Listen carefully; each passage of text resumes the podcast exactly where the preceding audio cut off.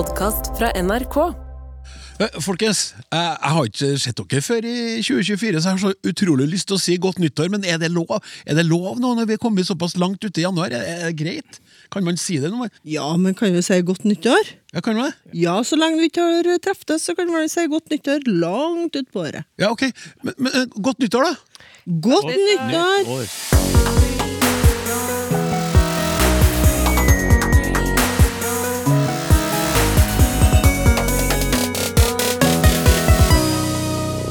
Når skriver man stjålet, og når skriver man frastjålet? Hva er vitsen med å legge øra på bakken? Kan du få frysninger hvis noen sier fisken er fryst? Og har det skjedd noe med både og? Hjertelig velkommen til år 2024s aller første ordinære Språksnakk-episode, som i likhet med sine episodeforgjengere i året vi nettopp har lagt bak oss, er spekka med spørsmål fra dere, og de blir besvart av et knippe kvalifiserte eksperter. Man skulle kanskje tro at postkassa snart gikk tom, fordi det ikke er mer å lure på om språk og kommunikasjon. Langt derifra, stadig strømmer det inn med nye, overraskende morsomme og interessante funderinger til snakk krøllalfa.nrk.no, og tusen takk for det. Fortsett, fortsett, fortsett. Da er det bare å begynne å glede seg til neste timen, uansett hva du nå gjør mens du hører på. Jeg kan forresten lokke med en aldri så liten twist helt mot slutten. Ukas tre orakler, eller språkforskere, er Anne Mette Sunde, Institutt for lærerutdanning, NTNU, og fra Institutt for språk og litteratur, Kristin Mellum Eide og Olaf Husby. Velkommen, alle tre. Tusen takk. Sa jeg godt nyttår? Ja, det har jeg sagt til dere allerede. Ja. Er dere klar? Ja, Ganske. Ja. ja, skal vi bare sette i gang? det kan vi gjøre. Let's go! Hei dere! Takk for et nydelig program. Så akkurat en sak på Facebook fra NRK Nordland med tittel Fikk bilen frastjålet? Når jeg klikker inn på saken, står det Fikk bilen stjålet? En lita utgreiing fra dere om rett bruk av ordene frastjålet og stjålet hadde vært strålende. Vennlig hilsen Marianne A. Ja, Kristin, det hadde vært strålende med en utgreiing om frastjålet stjålet. Ja, pass på hva du spør om nå. Det er veldig fristende å så lage en lang forelesning over her. Sant? For det første så handler det her om eh, sammensatte og ikke-sammensatte verb. Å stjele og frastjele. Sant? Ja, vet du hva, så jeg må bare si til deg som jeg blir så glad for nå, det, er så, det, det er så, så rart, for jeg tenker noen ganger når jeg leser sånne spørsmål ah, Enkelt å svare på, men veldig ofte i de enkle spørsmålene så blir dere sånn superoppglødd og sier Der kunne vi nesten fylt hele sendinga med kluss!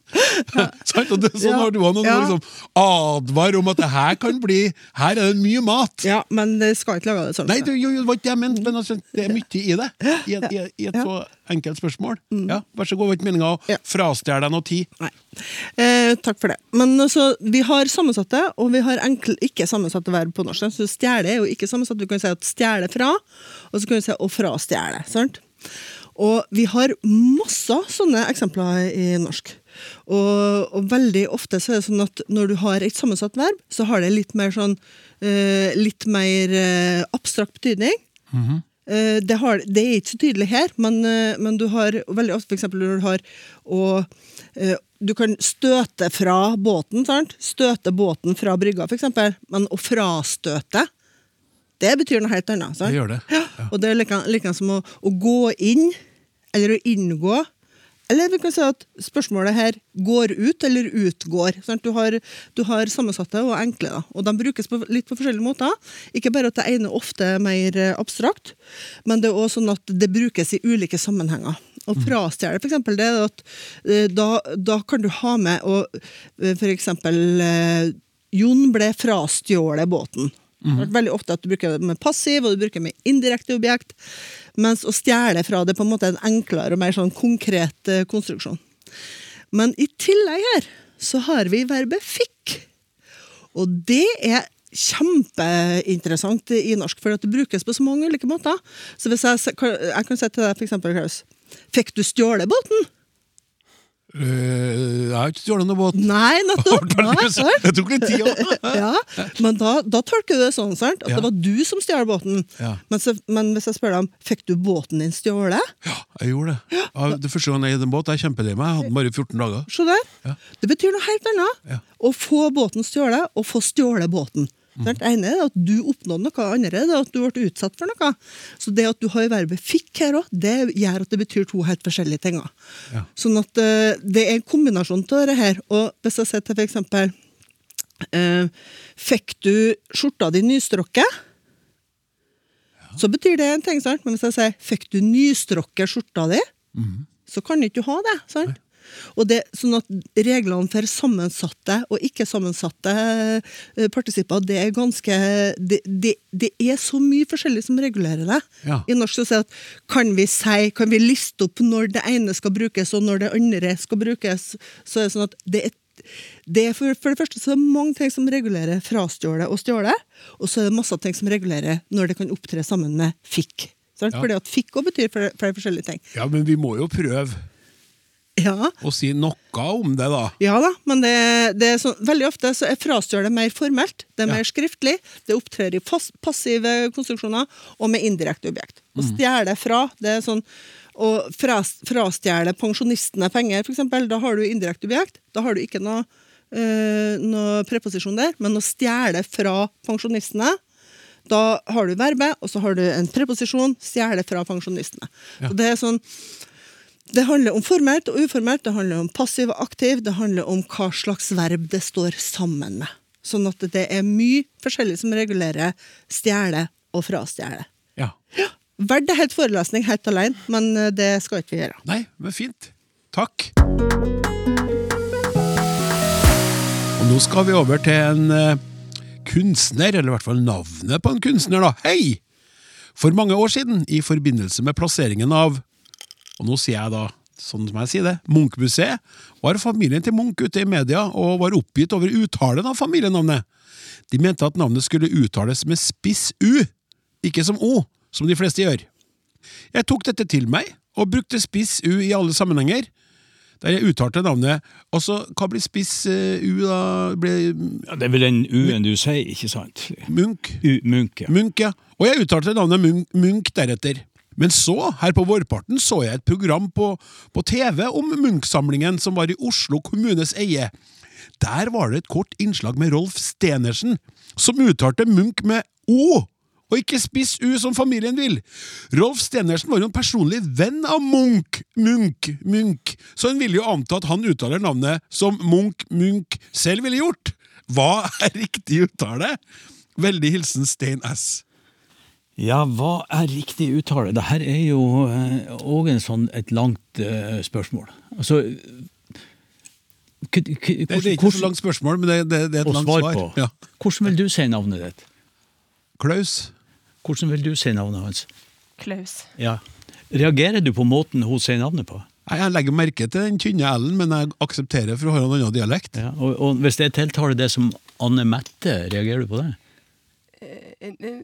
Bare positivt. Ja. Nei, og derfor det her eh, Det passer jo utmerket at du er i dag. For jeg hadde en gang ei dame til bord som het eh, Mette.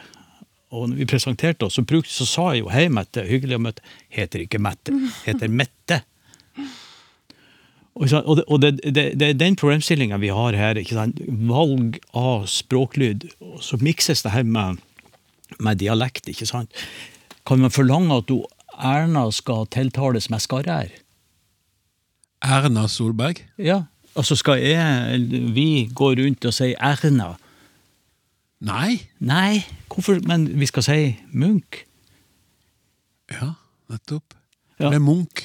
Eller Munch, ja, jeg, jeg sier jo, jeg sier jo eh, Munch da. Du sier Munch, ja? Ja, det her kontroversen med, med Munch, Munch, den er jo gammel, den var oppe, jeg husker jeg sendte inn et spørsmål faktisk til Språkteigen, måtte det være, i 2005.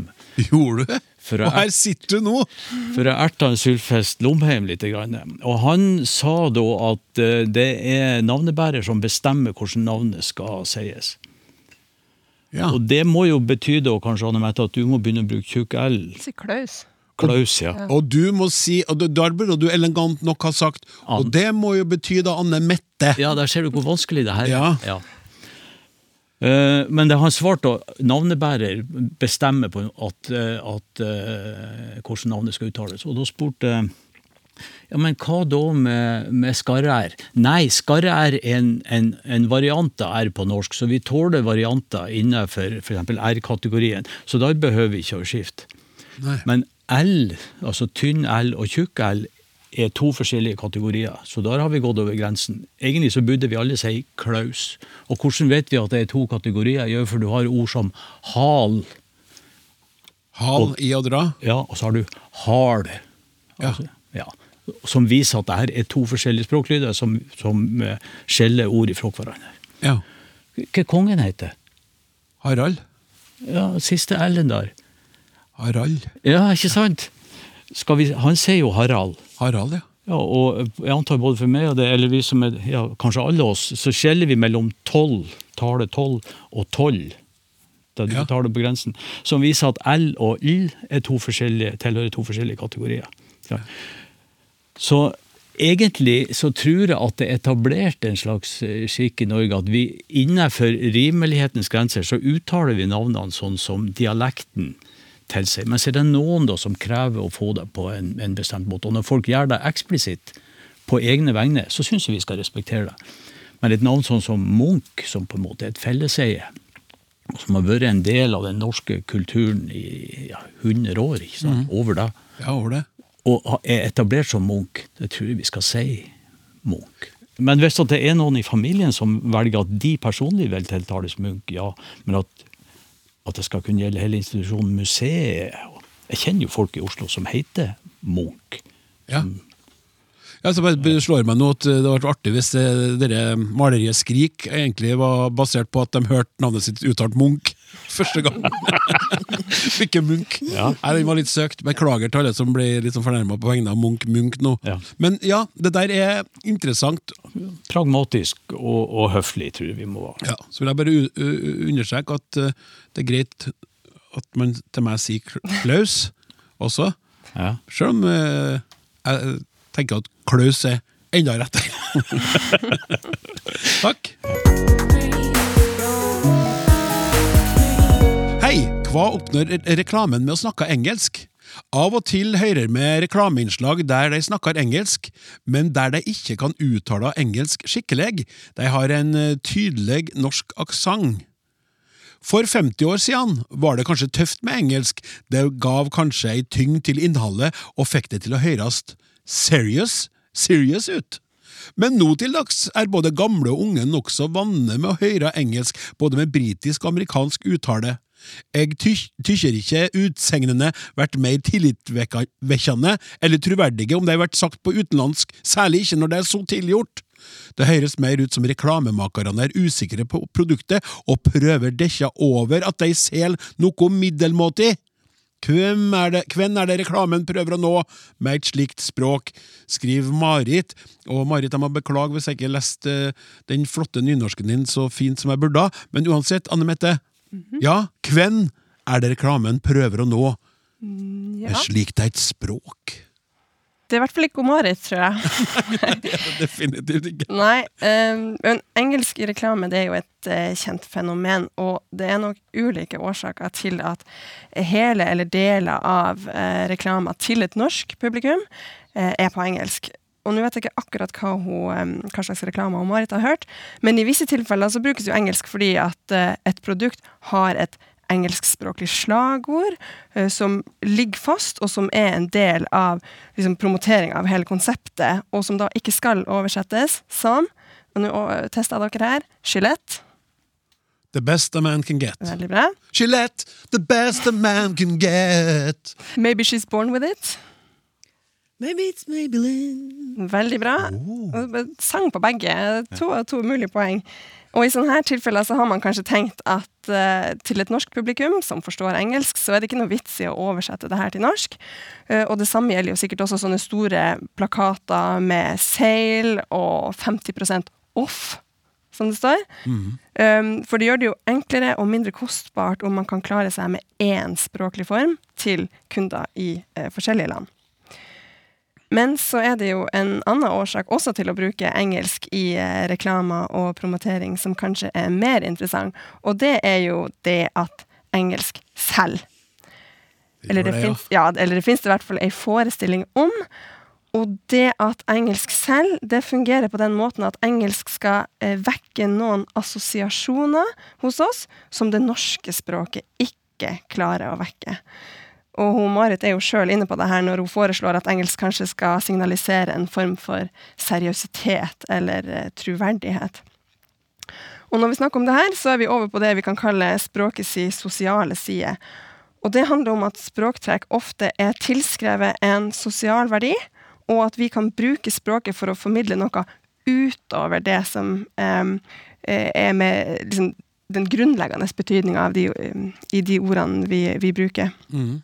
Og den koblinga mellom noe språklig og en sånn sosial verdi, den skjer når språktrekk tar smak av den sammenhengen de blir brukt i. Så når det engelske språket har ganske høy prestisje i Norge og eh, i Vesten mer generelt, så handler jo det om at USA og diverse engelskspråklige samfunn og miljø står ganske høyt i kurs hos oss, og så smitter det over på det engelske språket. Og det gjør at mange engelske ord og uttrykk gjerne har um, en sånn positiv valør som de norske tilsvarende ordene og uttrykkene mangler. Og et eksempel som har med en type produkt og promotering å gjøre, er en dokumentarserie fra i fjor høst om fire sånne influenserdamer i Oslo. Blant andre hun Sofie Elise. Eh, og de her bor altså i Norges hovedstad, og de snakker norsk. Og serien var helt klart mynta på et norskspråklig publikum. Men tittelen, det var Girls of Oslo. Ja. Eh, Så her er nok tanken at den engelske tittelen skal eh, vekke noen assosiasjoner i retning av lignende serier i engelskspråklige land, som f.eks. The Kardashians. Em, Så engelsk på en måte peker i retning av em, The Kardashians og skal kanskje vekke assosiasjoner som eleganse, profesjonalitet Globetrotting, Ikke sant? Og noe veldig urbant. mm. jetset-liv, Ja. er min scene. Mm, og det klarer man kanskje ikke å vekke gjennom norske titler som Oslo-jenter eller Livet i storbyen. Sånn, så det, det høres fort mer sånn hverdagslig, ordinært og kjedelig ut da, i forhold. Det tror jeg i hvert fall mange syns. Um, og også eh, norske treningssenter er full av sånne timer med engelske navn. Du kan gå på dance move, hot flow, core istedenfor kjerne. Body pump og body cross og body and mind. Og det er bare generelt mye mer body enn kropp på norske treningssenter. Og det tror jeg er fordi det lukter liksom litt mer svette av kropp enn av body. Ja, det er så godt formulert, Anne Mette. Jeg må Ja. applaudere deg for det. det er, jeg tror det er helt riktig. Ja? Altså Begge deler kroppen. Den ene kroppen er å foretrekke framfor den andre, nemlig body. Body det lukter litt sånn mildt parfymert uansett hvor hardt du har trent. Ja, Mens kroppen, den, kroppen, er litt surere. ja. Um, så her har engelsk og norsk litt ulike valører, der norsk dessverre kommer um, dårligst ut. Så tanken er nok at man gjennom engelsk skal utløse riktige assosiasjoner, og så varierer det hva de assosiasjonene skal være. Men ofte handler det nok om noe moderne, internasjonalt trendy, ungt, urbant, kult, elegant, og kanskje også troverdig, og noe som rett og slett bare har høyere eh, prestisje. Mens Marit får vondt både i body and soul når hun kjenner eller hører og ser Ja. reklamen her. Ja, så målgruppa, det er ikke Marit, og eh, det er heller ikke meg, kan jeg avsløre. Så for en del så vil jo eh, valget av engelsk ha en motsatt effekt, og man blir gjerne litt sånn gretten og syns at det her er tilgjort og pinlig og påtatt, og i hvert fall hvis den her engelske uttalen kanskje hangler litt, da. Og eh, vi som mener det, vi er da eh, samstemt med Åse Vetås og Språkrådet, for de er jo opptatt av at vi må få litt bedre språklig sjøltillit, og, og, og mener at norsk duger. For et uh, viktig ledd i å bevare norsk, det er jo å bruke det hele tida og til alle formål der vi kan. Og uh, heldigvis er det jo mange de fleste sikkert reklamer som, som bruker norsk også. Ja, det er det. Ja. Ja. Strålende. Ja, du hører på Språksnakk. Jeg sitter i studio med Kristin Mellem Eide, Olaf Husby og Anne Mette Sunde. Og de svarer på spørsmål sendt inn fra deg og dere. Men dere kan også komme med tilbakemeldinger eh, til oss i Språksnakk. Det gjør dere jevnt og trutt, og det er skikkelig stas. Eh, til snakk krøllalfa.nrk.no, så det er flere som har skrevet om eh, Ani eller Anni. Eh, hei!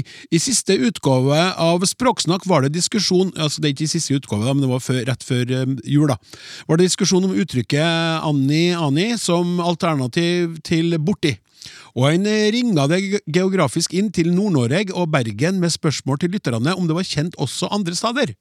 Jeg vil med dette stadfeste at partikkelen er, eller i alle fall har vært, vanlig også i sognemål, da i versjonen med lang vokal og NB, tonelag tonem 2. Klaus uttalte uttrykket konsekvent med tonelag 1.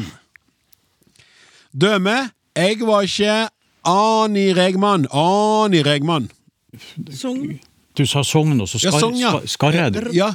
Ani R, Regman, du- Du må få en Ja, sånn. Jeg var ikke Ani Regman. Der var vi. Takk. Sånn, så, ja, sånn, nå var det nyttig i dere. Endelig. Eh, beste hilsen Øystein. 55, over gjennomsnittet interessert i språk, opphavlig fra Leikanger Sogn, nå bosatt i Tromsø. Kan det være selveste Øystein Vangsnes vi snakker om? Det er mulig. I anledning politikeropplæring i Vestfold og Telemark for Kongsberg kommune som ligger i Viken, ble vi oppfordret til å legge øra på bakken. Man skal høre mye før øra ramler av og blir liggende på bakken. Men hvilken hensikt skulle det ha å legge øra på bakken som folkevalgt? Det er noe uklart hvilken hensikt dette skal ha, hvem som bør gjøre dette, ei heller om bakkens beskaffenhet har noe å si. Eksempelvis barmark eller snø. Hvordan vi skal gjøre dette rent praktisk vites ikke, men som gutt lærte jeg at om jeg la det ene øret ned på jernbaneskinna, kunne jeg høre toget komme, før jeg kunne høre toget om jeg sto oppreist. Men hvordan legge begge øra på bakken? Etter å ha hørt uttrykket 'legge øra på bakken', falt jeg helt ut av kurset i flere minutter. Jeg ble tenkende på uttrykket, og ørene mine koblet ut til fordel for intern hjernevirksomhet, men som dere forstår, uten positivt resultat. Å lytte til befolkningen er en selvfølge som politiker, folkevalgt. Hvis det var hensikten å formidle det til oss, så kunne man sikkert formulert det på en klar og konsis måte.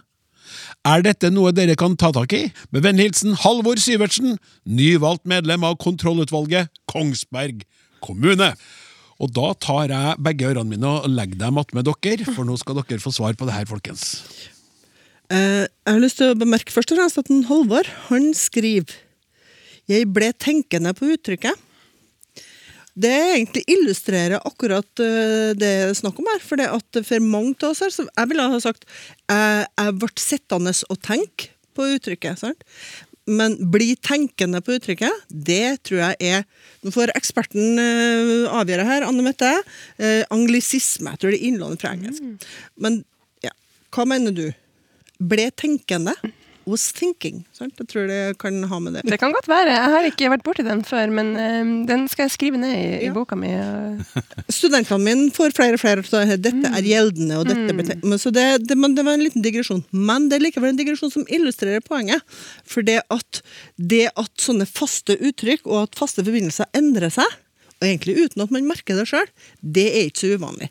Men for, hvis du googler på uttrykket her, legge og øre og bakken, så heter det for å legge øret til bakken. Ørett Ørett. til bakken, ikke sant? Nettopp. Og da, da snakker han jo Du har vandra litt, det her, da. ja, så snakker han jo om hvorfor skal man gjøre det? Jo, for å høre på jernbanelinja, for å høre på kavaleriet, for å høre om det er bråk som kommer. Ikke sant? Sånn at det å legge øret til bakken, det handler jo om å, at man skal være litt lydhør for omgivelsene. Hva slags signal er det i omgivelsene sender dem? Noe, sant? Men så er det jo, som vi har snakka om mange ganger i Språksnakk her, så er det sånn at de, sånne faste uttrykk de har lett for å endre seg, både når det gjelder hvordan de er bygd opp, da at du erstatter uh, å legge øret til bakken, for til har ikke den samme betydninga som preposisjon lenger. sant?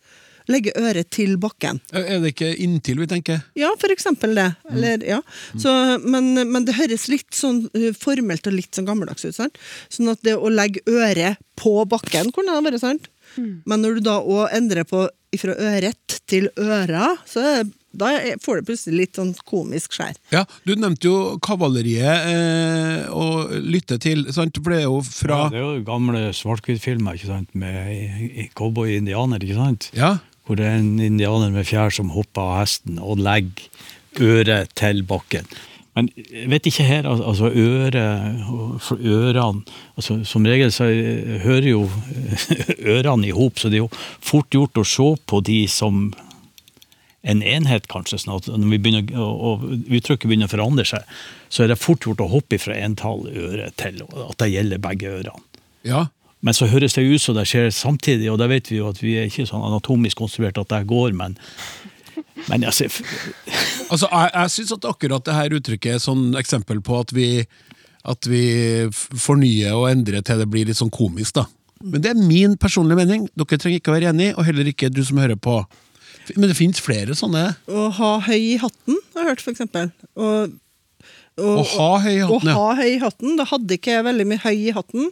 Og det er, sånn, det, det er på en måte å skape mening ut av et uttrykk som du ikke forstår, å være høy i hatten, som, som handler om at de som gikk med høy hatt, det var flosshatt, de var høyt på strå i samfunnet. Altså, da hadde du masse sjøltillit. Hvis du var høy i hatten, så, så hadde du masse sjøltillit. det er jo det er mye lek rundt der. ikke sant? Og at En ting er at, at, at uttrykk kanskje misoppfattes og fraktes videre i litt ny form, men det er jo mye leking med det her også, folk blander uttrykk. og så I sånn metoo-perspektiv jeg er jeg opptatt av fonetikk og det som skjer i munnen, og på en måte å ha tunga rett i munnen. Men det dukker jo òg opp uttrykk som å ha tunga i rett munn. Ja. Ja. Og, som, som da, og sånn leker man med språket hele tida. Og noen av de her ja, ja, ho- ho- Hvem var det som bøyde seg i hatten? Ja. Ja, og, de, og det er liksom et uttrykk som nå står, og som blir brukt med et, Vi vet hva det betyr, og vi ser det med et smil. Jeg vil bare si at uh, vi språkvitere vi kan også bli ganske irritert og, og himle med øynene og sånn, men uh, nå er vi i arbeidstid, så vi må liksom vente til etter klokka fire. Det er akkurat det.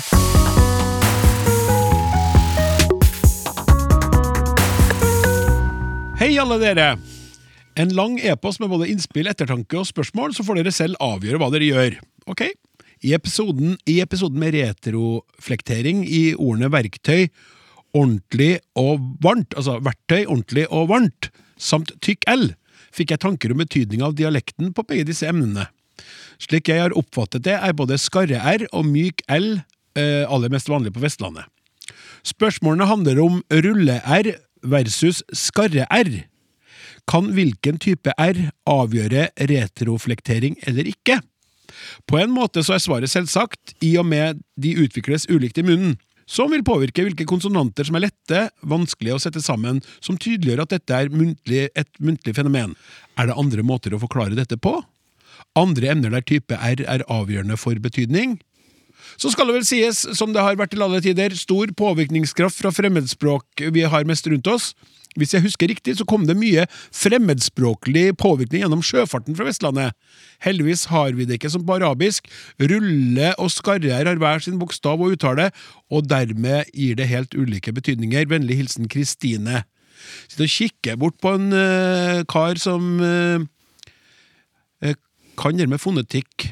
Ja, nei, men det her med, med eh, skarring og re retroflektering, og det er jo rett observert her, at det her er på en måte to eh, slags mot, motsetninger. Der du finner skarring i Norge, der finner du ikke eh, retroflektering.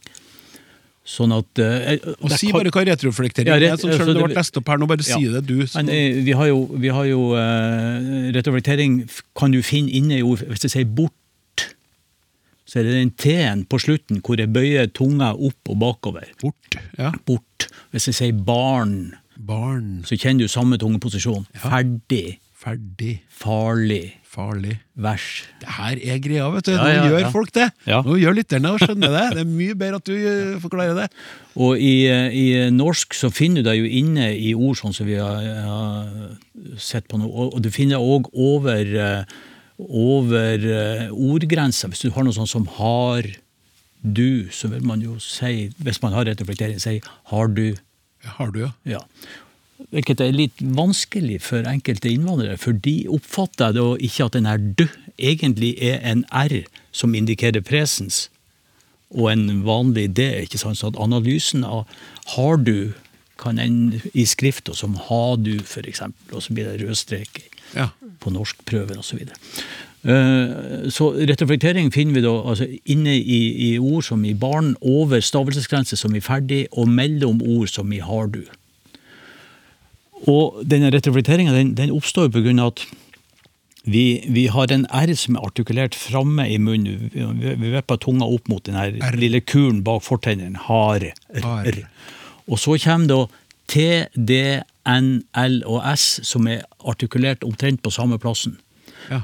Og for å bruke et ord som Ud Vindernes brukte i, i, i, klasse- i språkspalta i Klassekampen, av munnslapphet, Munnslapphet. med et gammelt uttrykk fra André Bjerke, så smelter de her altså Vi tar en slags artikulatorisk snarvei, så har du ender det opp på som har du. Ja. Og der kommer at alt, altså R-en og D-en, det, det skal artikuleres med tungespissen, så vi lar da tungespissen få en liten snarvei, og så ender det med en ny lyd. Mens denne eh, skarringa, den skjer bak i munnen. ikke sant? Du løfter baktunga opp imot den bløte gane eller drøvelen, og så får du jo en R. R. R, ikke sant? Ja. Og det betyr, og så, og så da blir det lite innblanding, ikke sant? D- Har. Du. har du, ikke sant? Med R-en bak i munnen og de her fem konsonantene framme i munnen. Det er for stor avstand på en måte til at, at, at den bakre R-en får innflytelse på den fremre Ja. R-en. Og Derfor så opprettholdes den grensen. Men det vi ser i Norge når det gjelder skarring, er jo at den brer seg jo sakte. Skarringa brer seg. Ja, altså Det ser ut til hypotese at den hopper på en måte fra, by til by, og så tar den da omlandet i, eh, i byen. ikke sant? Og Hvis du har to byer da som ligger ganske nært etter hvert, så kan på en måte det omlandet møtes, og så har du fått et område med skarring. Så den, den kommer jo nordover langs kysten. Og Hvis jeg husker, ikke husker feil, så var det altså kommunestyret i Bremanger som på 90-tallet vedtok at de skulle ikke ha skarrær. Det er veldig rart at vi ikke har vedtatt i Trondheim, spør du meg. Ja, spørsmålet er jo, ikke sant Kanskje kommer den til Trondheim, og noen sier da at det er Ålesund som er festninga som forsvarer trøndersk i så fall. Arne Kjell Follvik han hadde en hypotese om det. For den nordvestlandske R-en er jo den her harde rulle-R. Ja. og det blir et sånn bordverk imot den her R. Oh. Hvis Ålesund gir seg, at du får en R der nede, så blir det, så det blir det blir Molde, før Ålesund faller! Nei. Stå på, folkens! Ja. Men foreløpig så er det et slags vestnorsk eh, Ja, Det starta jo på, ja, rundt Tvedestrand og så rundt kysten. Men det brer seg opp i dalene inn i Ja. innlandet i Sør-Norge. Det her er radio, så nå må så folk sitte og se for seg alt som en Olav forteller om.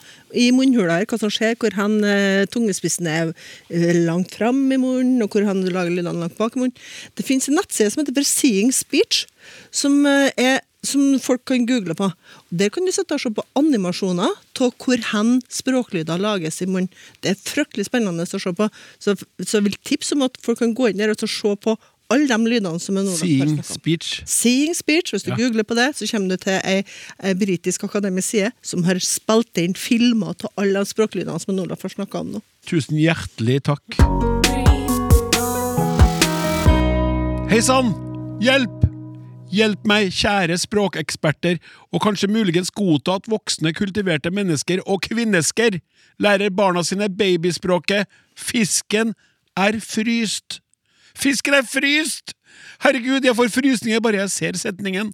Altså, det vakre, estetiske ordet frost bærer vakker, distinkt og velvalgt fonetikk ved seg for sitt formål, og er videre derav naturlig utviklet grammatisk til en frossen innsjø, en frossen finger eller frossen fisk i frysedisken. Så kjære panel, kan dere vennligst hjelpe meg å snakke ned, og aller deiligst nedsable estetikken og gramma grammatisk funksjonalitet i setningen 'fisken er fryst', eller eventuelt hjelpe meg med å leve med frysninger til min død? Med vennlig hilsen Jarle S., en frossen sjel. Stakkars eh, Jarle. Kan du varme Jarle sitt hjerte? Ja, det her er jo Man blir jo rørt langt inni hvem, Man må jo være fryst, dypfryst, hvis man ikke skal bli rørt av denne e-posten her, tenker jeg. Ja. Men eh, det er sånn at jeg har lyst til å ta fatt i én ting fra e-posten fra eh, Jarle her først. Og det er han sier at her er babyspråk. Ja. Han sier at uh, folk lærer ungene sine babyspråk. Og som uh, språkforsker han sier det er fryktelig interessant. Hvorfor syns folk at det her er babyspråk? Og da har jeg lyst til å si det, at når du er født inn i et språk, f.eks., og du lærer deg språk som barn, eller voksen, da, når du kommer flyttende til et nytt språk, men i hvert fall hvis du, du er barn, du skal lære deg det her språksystemet, så har du en grammatikkmaskin som er så hendig at den driver og produserer regler for deg. Ja. Og den eh, grammatikkmaskinen den er ganske snarstarta. Sånn at uh, regelen, hvordan du bøyer verb, for eksempel, og hvordan du bøyer substantiver, den regelen kommer veldig fort på plass. Ja.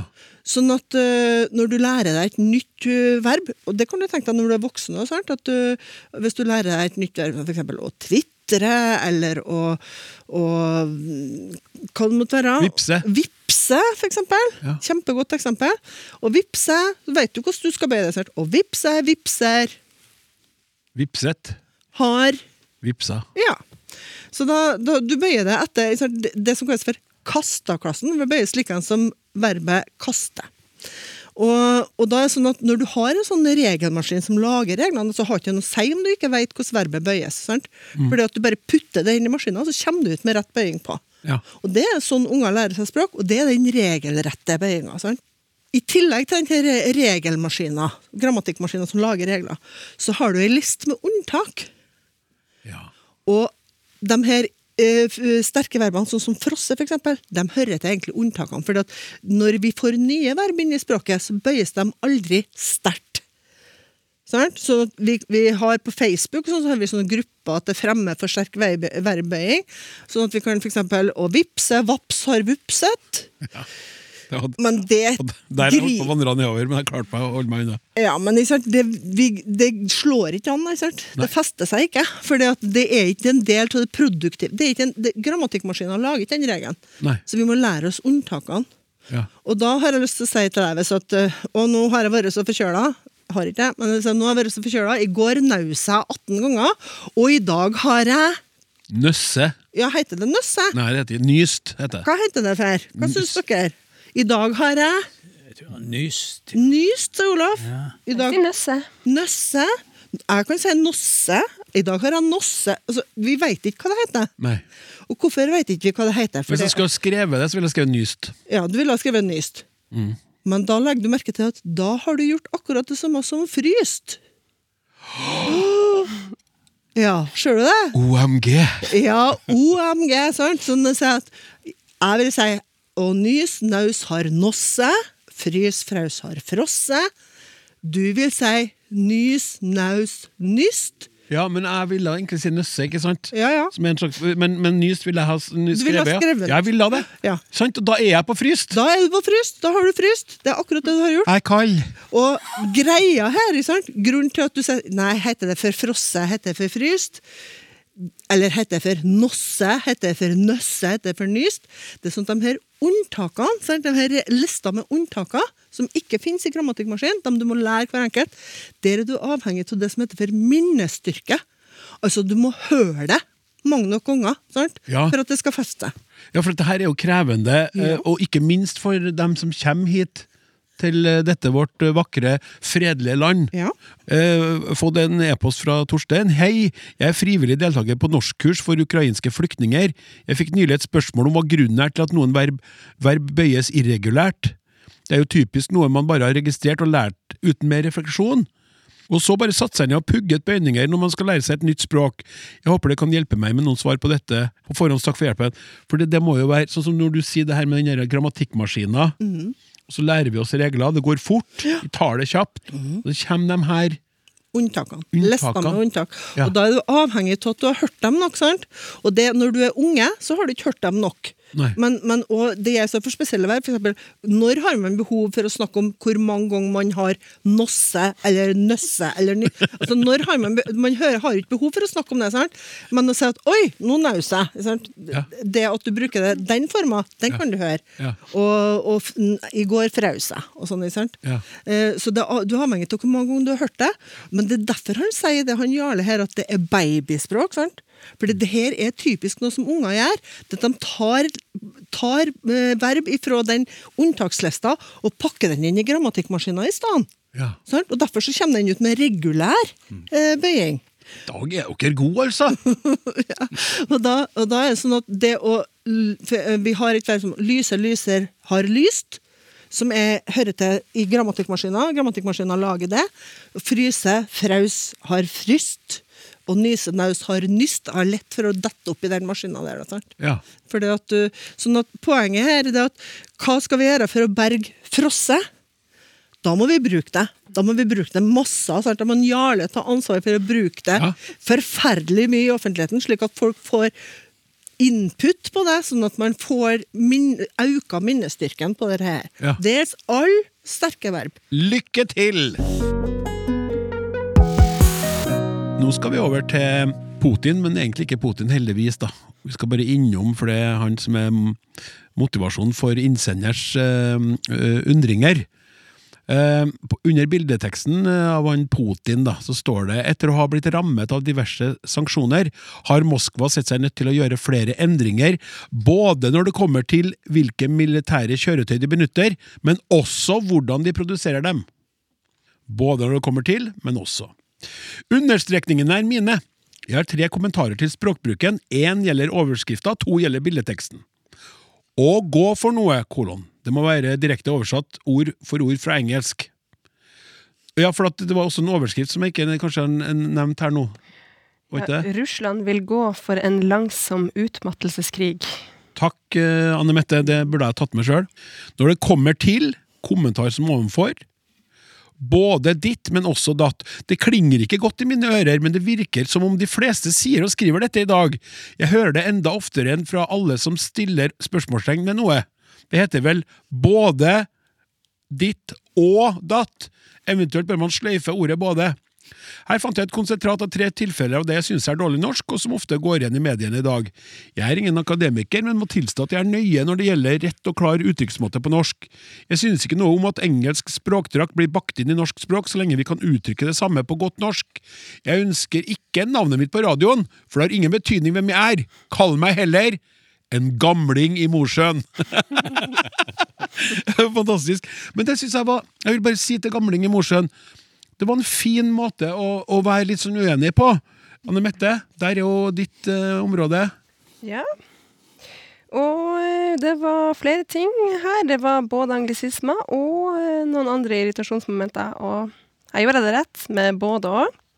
Jeg torde ikke noe annet. Um, og vi kan ta anglisismene først. Og gå for noe, og når det kommer til. Og han her gamlingen i Mosjøen, han har eh, helt rett i at uh, det her er uttrykk som vi har lånt inn fra engelsk. Men i stedet for at vi da har lånt inn hele engelske uttrykk, så har vi oversatt dem til norsk. Så go for er blitt til gå for, og when it comes to har blitt til når det kommer til. Og sånne her oversettelseslån, som vi pleier å kalle dem, de kan være ganske vanskelig å oppdage fordi at de engelske ordene mangler, så det her er jo en observant lytter. Og det at vi låner inn fra engelsk, det skyldes jo at vi har mye kontakt med engelsk, eh, og da er det nok ikke til å unngå at det her setter spor i norsk. Og én ting er jo da de lånene med engelsk form, som en challenge eller en surprise. Sånne lån er det jo ganske mange av i språket, men dem kan, eh, dem kan vi også, hvis vi vil, unngå å bruke. Men det kan vi ikke alltid med sånne oversettelseslån, fordi de går litt under radaren vår når de her engelske ordene mangler, så vi er ikke alltid klar over at vi bruker dem, eller at det er eh, engelske lån. Og det her har jeg altså snakka mer inngående om i noen tidligere episoder her på Språksnakk, og da har jeg pleid å ha med noen eksempler. Og i dag så tenkte jeg at dere skulle få noen eh, helt ferske eksempler fra bunken min. Um, I bunken min så har jeg en student som skrev at man kunne inkludere grammatikk i undervisninga på en lekfull måte. Ja. Så da har playful blitt til lekfull. Og så leste jeg en overskrift som sa at det her er en god vei til å lage suppe.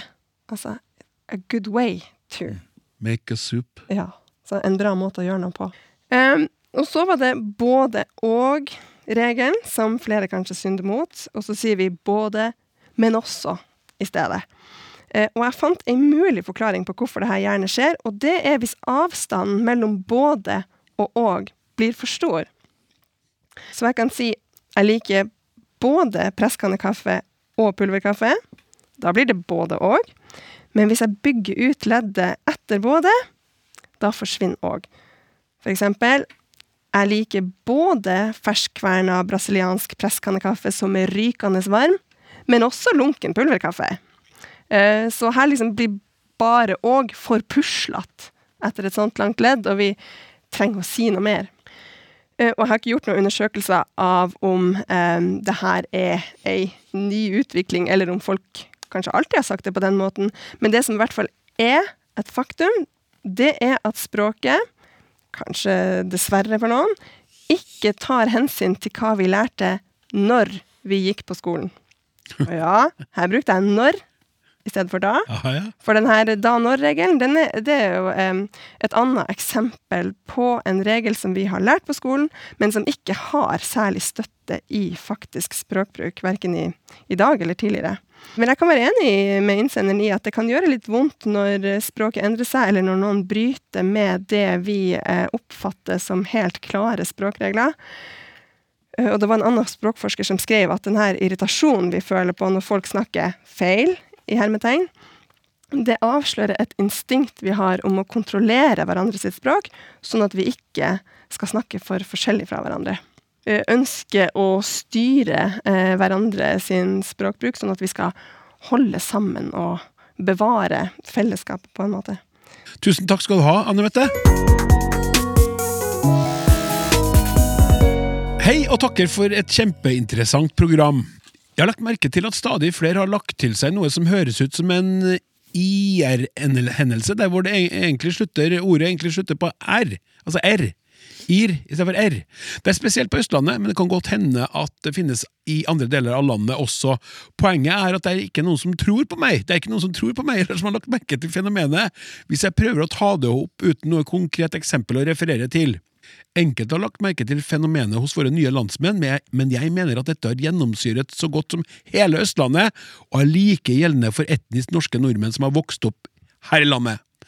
Jeg tenker altså på at mange har en tendens til å si for eksempel at vi sitter her og drikker noen øl mens vi nyter de fine været. Satt litt på spissen, men det er noe jeg har lurt lenge på. På forhånd takk, Ole Martin Dyrnes. Vi sitter her og lurer på om Olav Husby Husby har noen ord om uh, dette fine fenomenet. Det her er en veldig god observasjon gjort av en Ole Martin. Eh, og jeg tror at han har eh, rett, eh, og vi skal etter hvert få høre eksempler på at han har rett. Eh, men når spørsmålet kom, så, jeg måtte jo tenke meg tilbake. Og ja, jeg vet faktisk at jeg har brukt av og til når jeg har imitert enkelte østlendinger.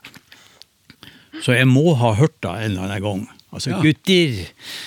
Ja, Ja, så, men så eh, tok jeg noen telefoner og sjekka litt på e-post for å høre hva folk sa. Og noen sier ja, jeg bruker det ikke, men jeg tror jeg har hørt noen si det. Andre sier aldri hørt det.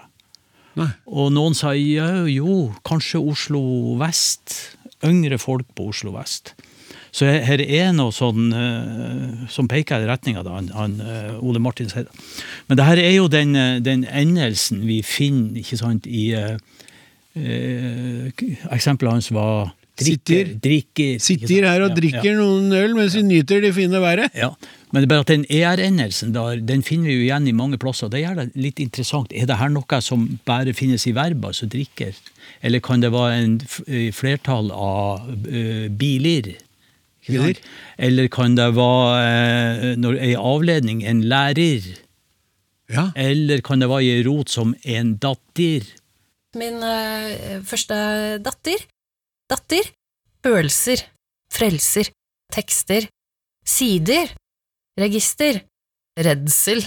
Altså Her hører vi det er tatt ifra fra NRK. Det datt jo rett i fanget på meg. ikke sant? Når spørsmålet kom, så var jo ørene på Er det noen som sier IR på, på radioen? Og det kom jo med en gang, ikke sant? Ja.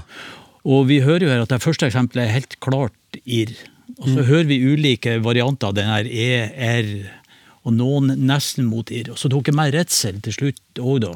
For å prøve, for R og L er fonetisk i, i slekt, på en måte. Så man kunne kanskje forvente redsel.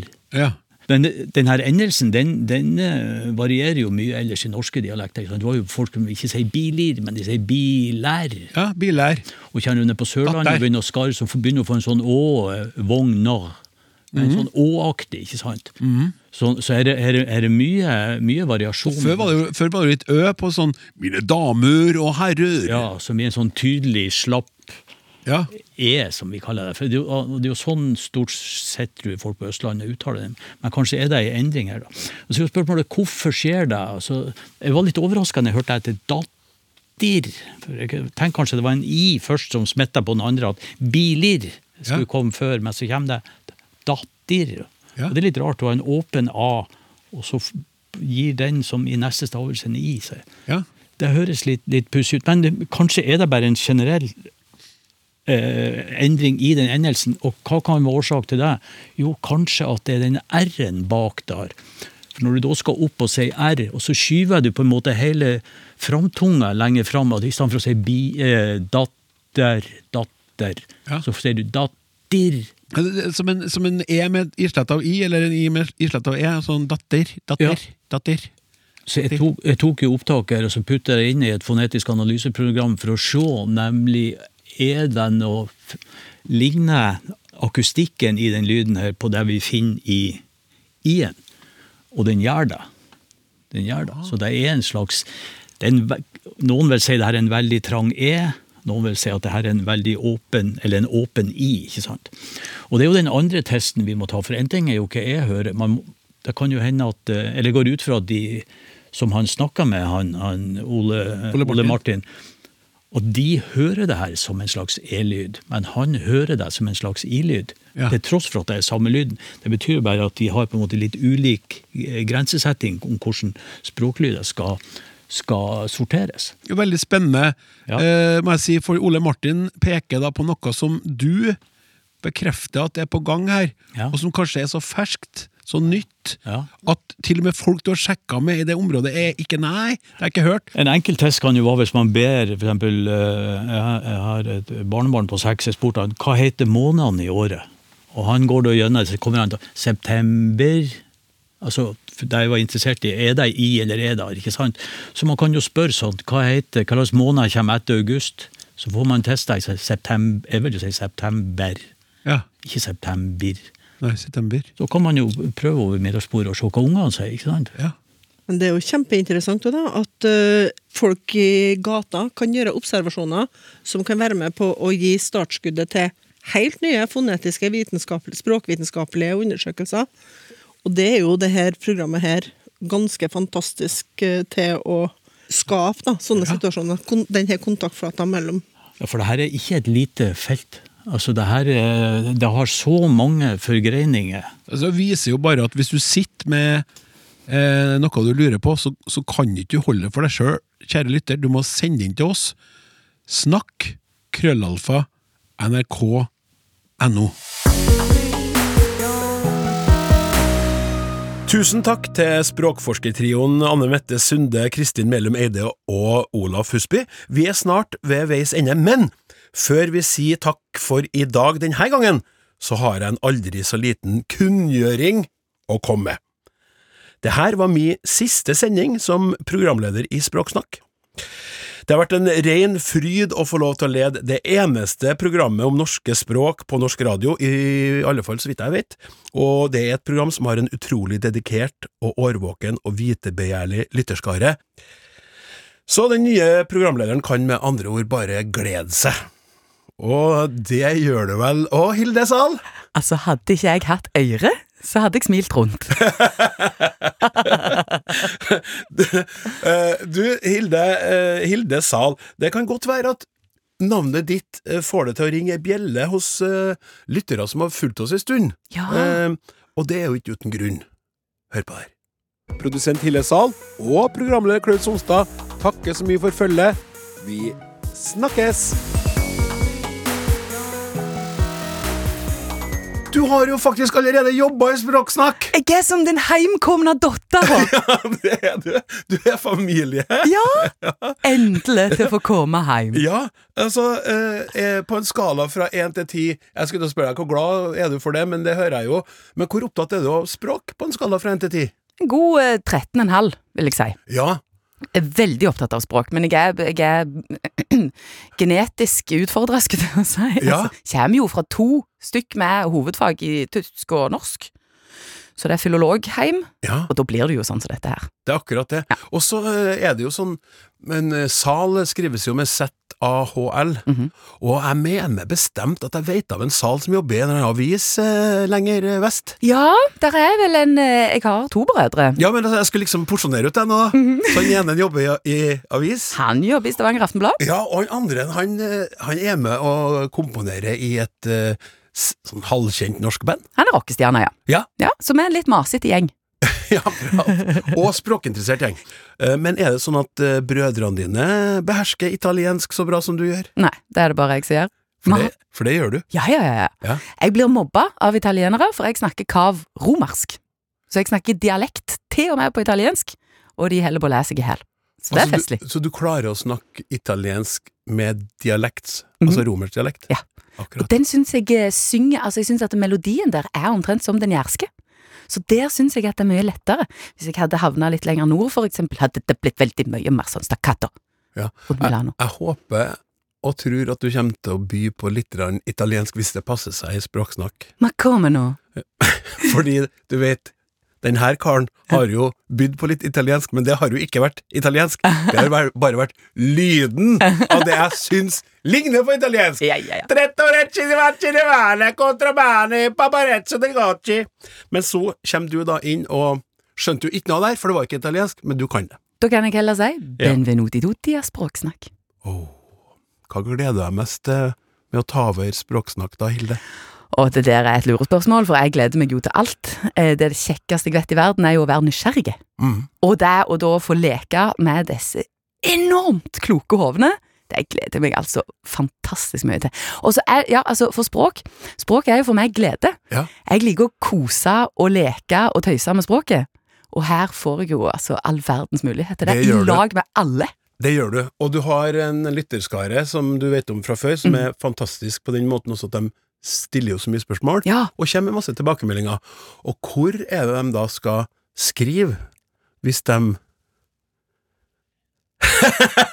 Sant? Snakk, krøllalfa, nrk.no, og så vil det bli sånn at du, Hilde, kommer til å introdusere NRK radioappen som et kommunikasjonsområde. Det skal du få æren av, Ja. for det har ikke jeg gjort, men det kommer til å bli en greie nå. Mm. Og det må du bare vite, eh, kjære lytter, at eh, når Hilde tar over nå, så vil hun eh, nevne eh, appen, skal vi kanskje si, eh, NRK radioappen, for der kan du også etter hvert kunne skrive inn til Språksnakk. Så du får en ny plattform der lytterne kan nå deg. Heldige, heldige, heldige du.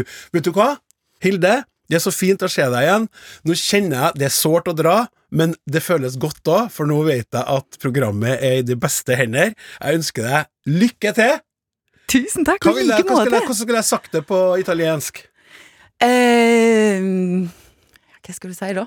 Vent litt, må jeg tenke. Hva er det du skal lykke til i framtida, liksom? Ja, Ja.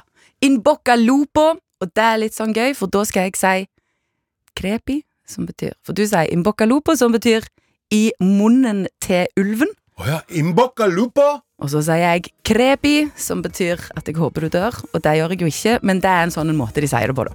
Mm. yes. Ja. Mer om det siden. Språksnakk er slutt for i dag.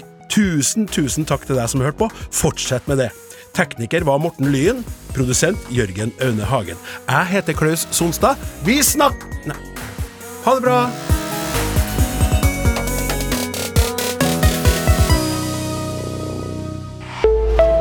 En podkast fra NRK. Radio Utslagsnes er tilbake i NRK radioappen. Større! Mer absurd tatovering. og mindre vektig nå enn noen gang før. Og hun kommer seg ikke videre derifra, for det står ei høne i veien. Radio Utslagsnes, ny sesong i gang nå. Hør Radio Utslagsnes i appen NRK Radio. Radio Utslagsnes.